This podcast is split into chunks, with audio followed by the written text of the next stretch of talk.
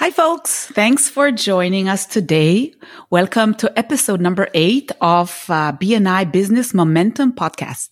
I'm Mikhal Heffer, manager of Lichi Translations, and sitting beside me is Gadi Benett, patent attorney. Hi, Gadi. Hi, Mikhal. How are you? Great, great. So nice to be in your lovely office. Thank you. This podcast is normally broadcasted and recorded in Hebrew as we are located in Israel.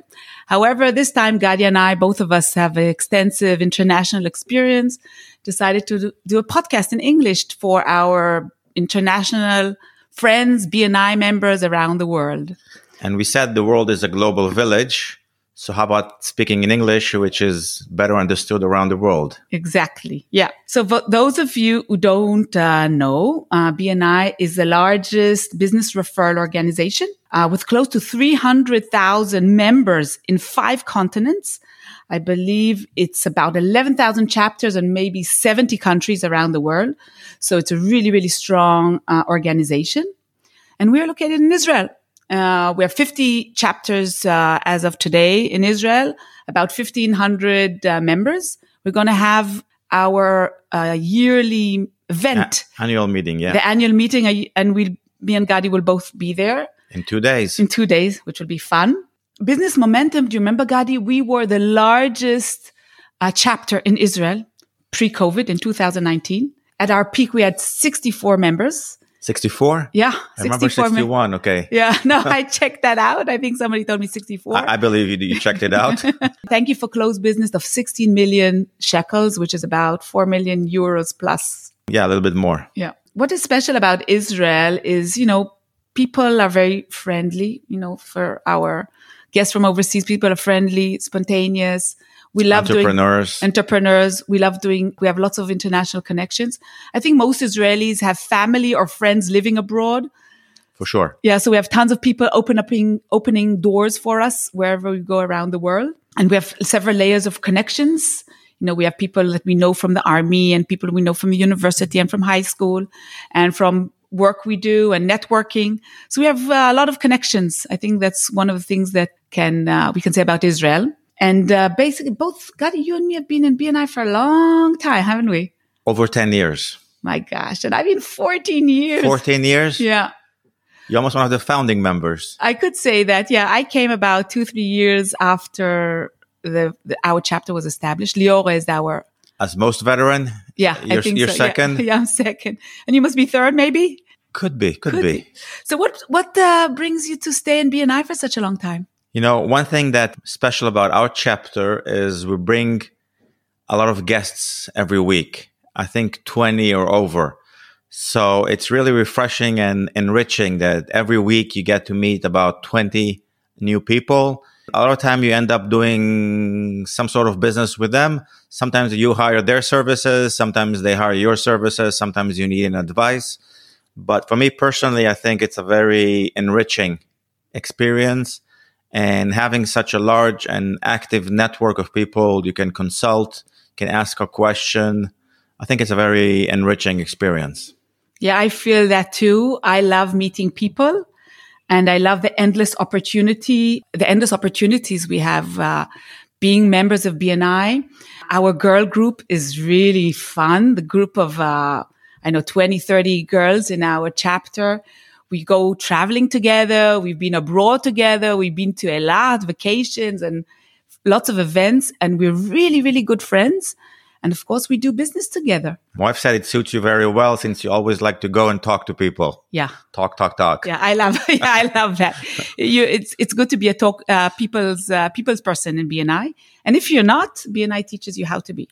It uh, kind of um, helps you polish your networking muscles yes. and skills.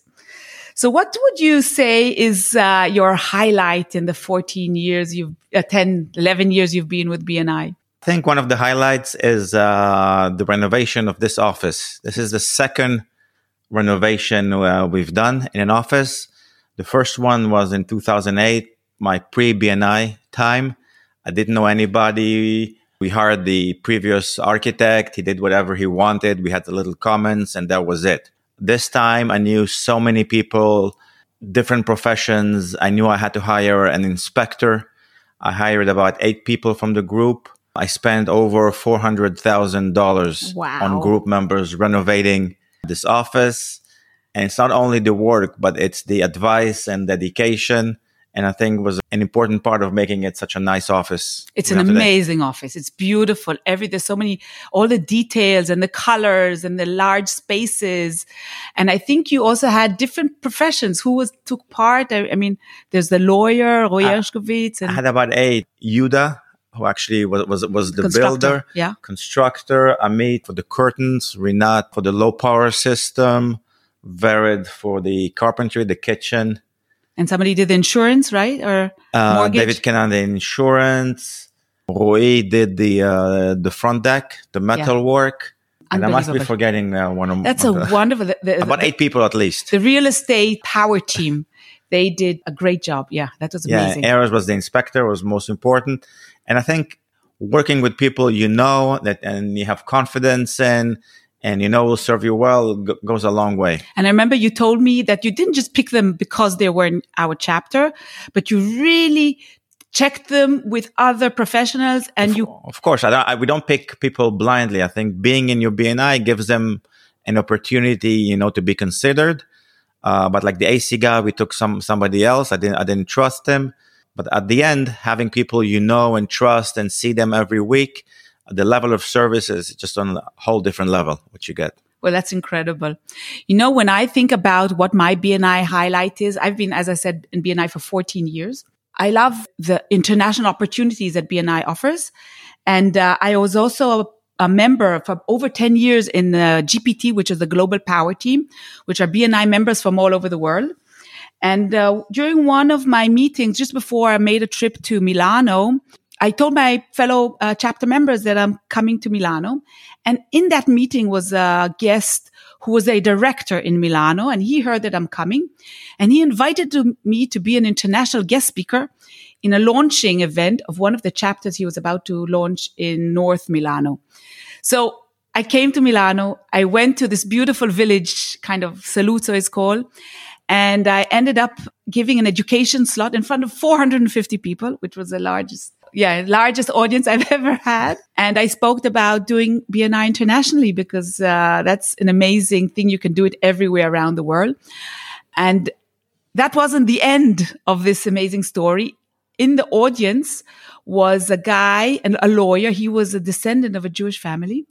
And um, his dream was to bring a BNI delegation to Israel What a dream. and, and a dream. So, and that's what I thought. Okay, this guy has a dream. But three months later, he brought this delegation to Israel and I hosted them. We did a really lovely networking event where there are about 60 people, Italians and Israelis in Tel Aviv port. Sounds amazing.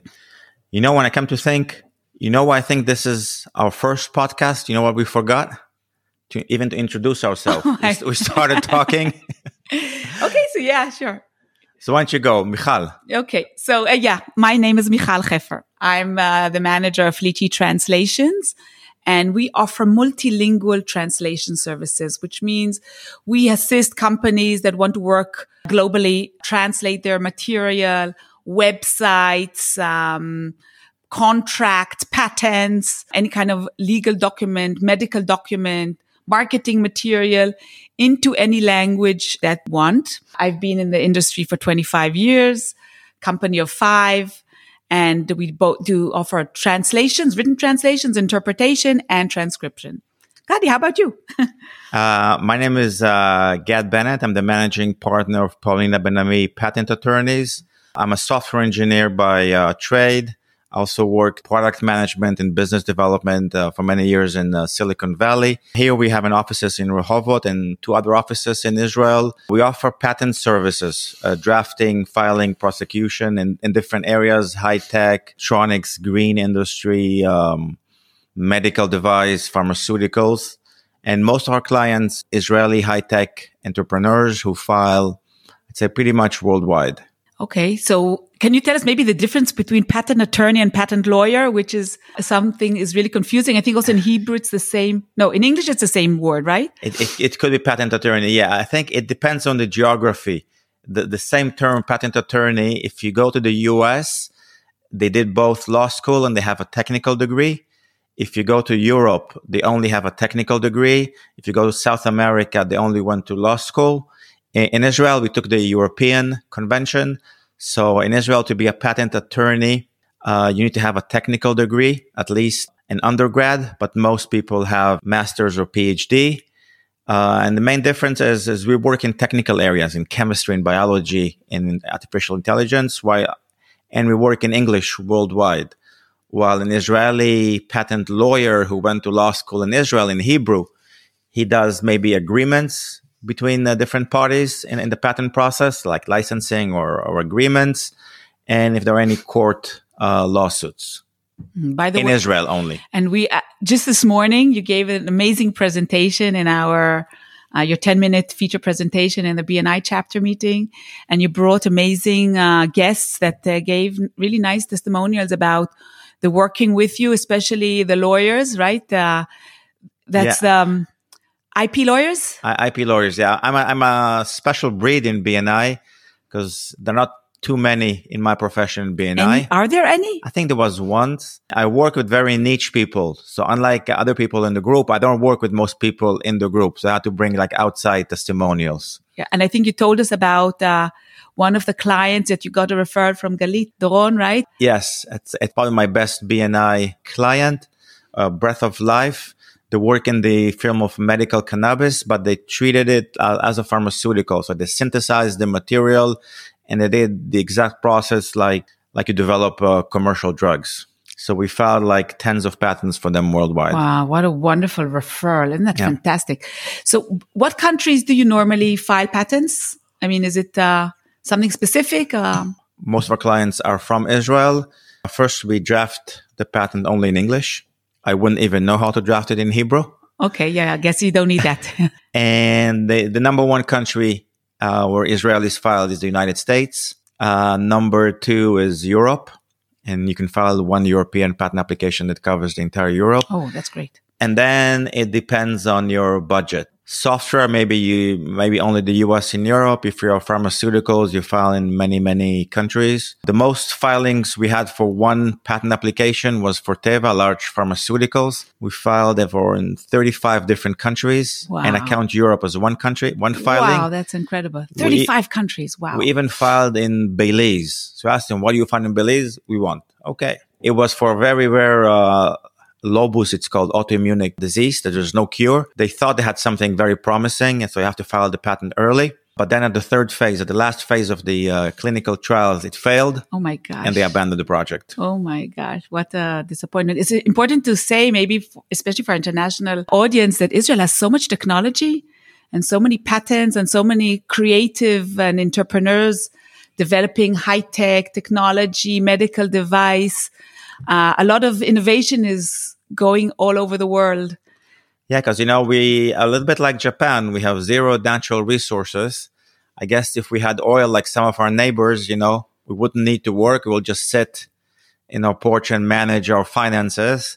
But since we have, you know, zero natural resource, now we have a little bit of gas. So we have to work really off our brains. Exactly. And I think it fits Jewish and Israeli mentality of both for favoring education so this is a really something that really deep in the Jewish tradition, education, that that's something nobody can take away from you. And also entrepreneurial and let's say the nice side of being undisciplined. and I don't think uh, we always want to find a solution and we want to be efficient. So we always have to find new ways to solve things. And we all, always think we are the smartest and we can do everything. Which sometimes we do manage to do that. Oh, and I think you, you, you mentioned it even in your presentation this morning, like really fun, important patents and, and inventions that came from Israel. Even the cherry tomato. Cherry tomatoes is a great invention from the Hebrew University of Jerusalem. And the DiskOnKey, right? Famous DiskOnKey. All this cyber protection, the first VPN, virtual private network, came from Check Point. Check Point, yes. Of course, ex-military guys who used their knowledge in uh, penetrating computers to uh, defending against such yeah. penetrations. Okay, that's amazing. That's why you see a lot of things that in, in many um, products you see overseas, you see something made in Israel, which is really nice to know. And uh, you know, when your clients they uh, go overseas, we actually share share some clients, of course. Yeah, multinationals. Yeah, I think we mentioned that Adama is one of them. Yeah, Adama Agan, it's a large uh, agrochemical company, very active in the uh, developing uh, chemical, you know, technology for agriculture. Israel, since we have a very little rain, unfriendly hot weather, so we developed great technology in agriculture, A, more efficient, and B, to be able to be productive in harsh conditions. And they were recently, a few years ago, bought by a large Chinese firm. Oh, yeah, that's exactly what we did. We offered them a Chinese interpreter for their delegation. Really? Yeah, because, you know, Chinese people coming to Israel, they don't uh, necessarily know English. Definitely, they don't know Hebrew. So interpreters into Chinese is something that we offer for many, many delegations coming. That's exactly what we did for them. Yeah, some of them need a lot of assistance when they go out of their natural environment. And I think also you work with the medical device industry, which is something that we have many clients in this uh, industry because they have technology and device that they have uh, developed. And then they need to go overseas with all their products and inventions. So we would help them with first and foremost is the user manual because quite often, you know, you can't just go with English, even if you do write in English. It's not always enough. And in many countries, you need a medical device. The user manual would be translated into other languages. And then you'd have their website and the brochures and any social media content. Actually, we also have sometimes not that we don't normally translate the patent themselves. I think you yourself said that there's some specialized companies for patents, but we would sometimes translate uh, some maybe research documents or or office action received from uh, different offices, like in, from China. You receive like an objection from the Chinese patent office. Then it needs to be translated to English at least so we can understand.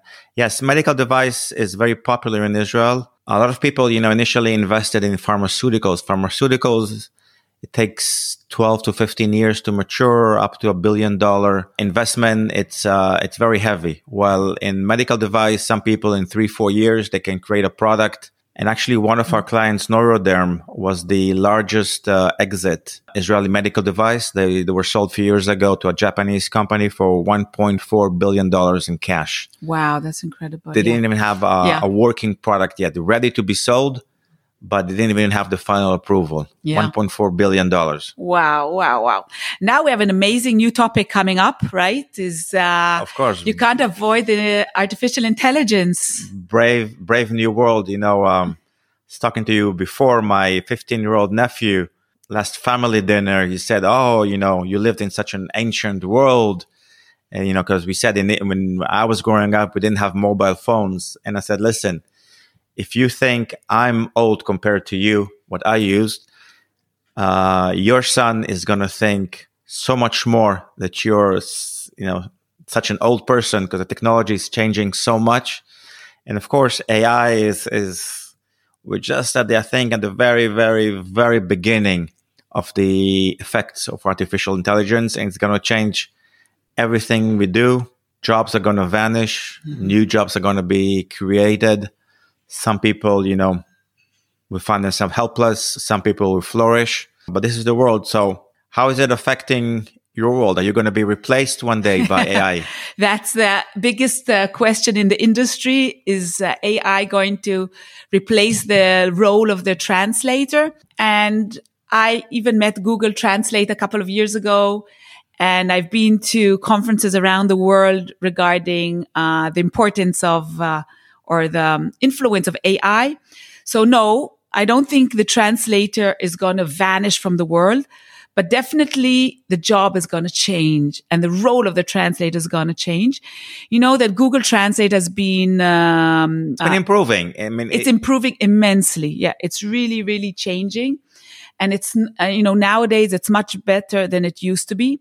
And, you know, when we talk about machine translation, it's not like you remember that movie with Charlie Chaplin and he's with all, and he's going into the machine and you see him coming in from one side and the other side. It's not that type of machine translation.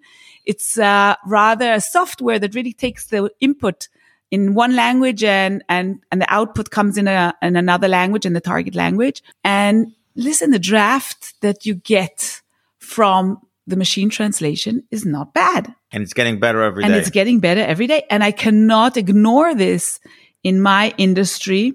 So what we are doing right now is we're using uh, machine translation, the AI uh, translation a- engines. Now it's not necessarily Google Translate, but we have um, even uh, you know more professional engines pay, that we pay for. And this all we have um, we work with a translation platform, and the role of the translator is to edit it and make sure there are no you know stupid mistakes.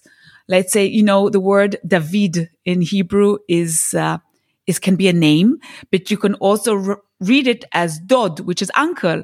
Now the machine won't know, you know, would it be uncle or the name? And you have to change that. Yeah. You really have to make sure. Sometimes they would know it according to context, but the role is to make sure that the draft is really, uh, you know, that we offer high quality translation. And why not use this tool that makes it more quicker? You know, you can save 30% of the costs and time. You know, I've even seen for patent attorneys four years ago, tool that said, you know, you'll give a disclosure of a new invention. It will draft a new patent for you. And the salesman said, it's not up to par yet but you can use it. You can't file it directly, the result, but use it like a first draft and then, you know, it'll save you first time. Draft. Yeah. But really, if I, if I have to be honest, I think if you assume it, it'll be better and better and better, you know, uh, every time, I think like translations, like drafting patents at a certain point, it'll be as good as a human and a day later it will be better than the average human and we may have a different role but maybe we retire by then, Gadi. maybe you know the changes are, are so fast. That's true, as you said. And yeah. also, it, it brings you know a lot of interesting questions to the industry of you know, intellectual property because you know now in our w- new world, data is king. Data is monetary. You know, I have a cousin who's a who's a doctor, medical doctor, and he said that Google gave them this new robot when they perform surgery, it records it and then they can analyze it. And of course, all the data is shared with Google. But he said the robots is free. And I said, listen, nothing is free in this world. You are like the Indians of old times where the Spanish came and took away their gold and they gave them some shiny beads. And they were happy because the beads yeah. were shiny, but they took away their gold. You're giving your data for free. Okay. And he says, so what? Should I ask money? And I said, no, data is king. You should ask for data in, in return. Mm-hmm. And but a lot of um, interesting questions because like, you said um, that there's a big uh, discussion now in the industry no, no, about class this. class lawsuits, not not discussion. There are a few class huge class lawsuits. Yeah, can you tell us about the f- photographs? You told me something about. Yeah, I mean you, you can have like uh, AI. Um, AI Im- image, image generators, like the most famous is Midjourney, but yeah. there, there are others now. You describe what you want in words, and it'll generate a picture, and you can fine tune it. And but the thing is, if you are, let's say, an artist and you go to a museum and you see you, you know you see uh, pictures and and you read books about art, well, you paid your entrance to the museum and and you bought the books. But this uh, en- these engines, they've sucked in millions or billions of images photographs yeah. for free. Yeah. So the people who own those photographs have copyrights for them. And now these engines are using them commercially to generate revenue without wow. paying them. So both uh, individual artists, photography sites like uh, Shutterstock, they're suing, suing, these engines, and I think they have a point. Yeah, saying who's, who's, who, who, who has the rights for this no, information? this is our right. You're commercially using it to teach your software. Engine, yeah. Even if you're not copying parts, but you're using it commercially to generate revenue, so they and probably want some ra- royalties, won't yes, they? Yes, we, we don't allow it, yeah. using it for free. It's, it's an interesting question. But you know, um, as always, the legal world is always a step behind yes, the technology exactly. Technology. World. Yeah. So they're going to play catch up and then decide, you know, some sort of, you know, compensation plan, working terms. Yeah. Great. So Gadi, tell me something for somebody who wants to file patents or what would be your three tips for in the patent industry? Three tips. One, one of the main issues in the patent world is first to file. Whoever filed first uh, is the owner. So if you have an invention, if you're th- if you're developing new technology, file it as early as you can. Uh, second thing is thinks about ways you can monetize your intellectual property. You know, you can sell it, you can sell licensing to it, you can pull it. There are different ways, creative ways when you can generate revenues. And I think when you develop a business plan, you're in the way you treat intellectual property has to be a part of that uh, business plan. How about you? What do you think? You know, your users should know. Yeah. So, well, uh, my three tips for quality translation is all about choosing the right translator. So, the first tip that I would give is use a native speaker. Okay. So if you're translating into French or translating into German or into Arabic or into Chinese, choose a translator that really knows the ins and outs of the language, that grew up in the con- in the target country, that knows the nuances and slang and can really give you a native level of translation. That's an important tip. My second tip would to choose a translator that knows the industry because you have legal translations, you have medical translations, you have technical translation, financial, agriculture. There are dozens of thousands of industries. So it's important that a translator comes from the industry because we can't teach them everything. So at least he has or she has the basics to understand the material because a medical device is technical. It's medical. It's something that you need to know how to translate. The third tip is, you know, ask for sample translation.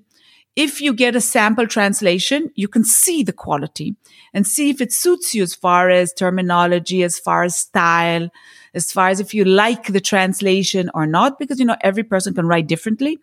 And then you can know this in advance before giving like a whole book of someone to, for someone to translate. And you discover only when the book is finished that you don't really like the style. So these are my three tips. Sounds very nice. So here we are, just about up. If you would like, you know, reminding you we are BNI podcast. So if you would like to attend a BNI chapter meeting, go to bni.com and you will see there, uh, find a chapter option. And there you can find chapters all over the world.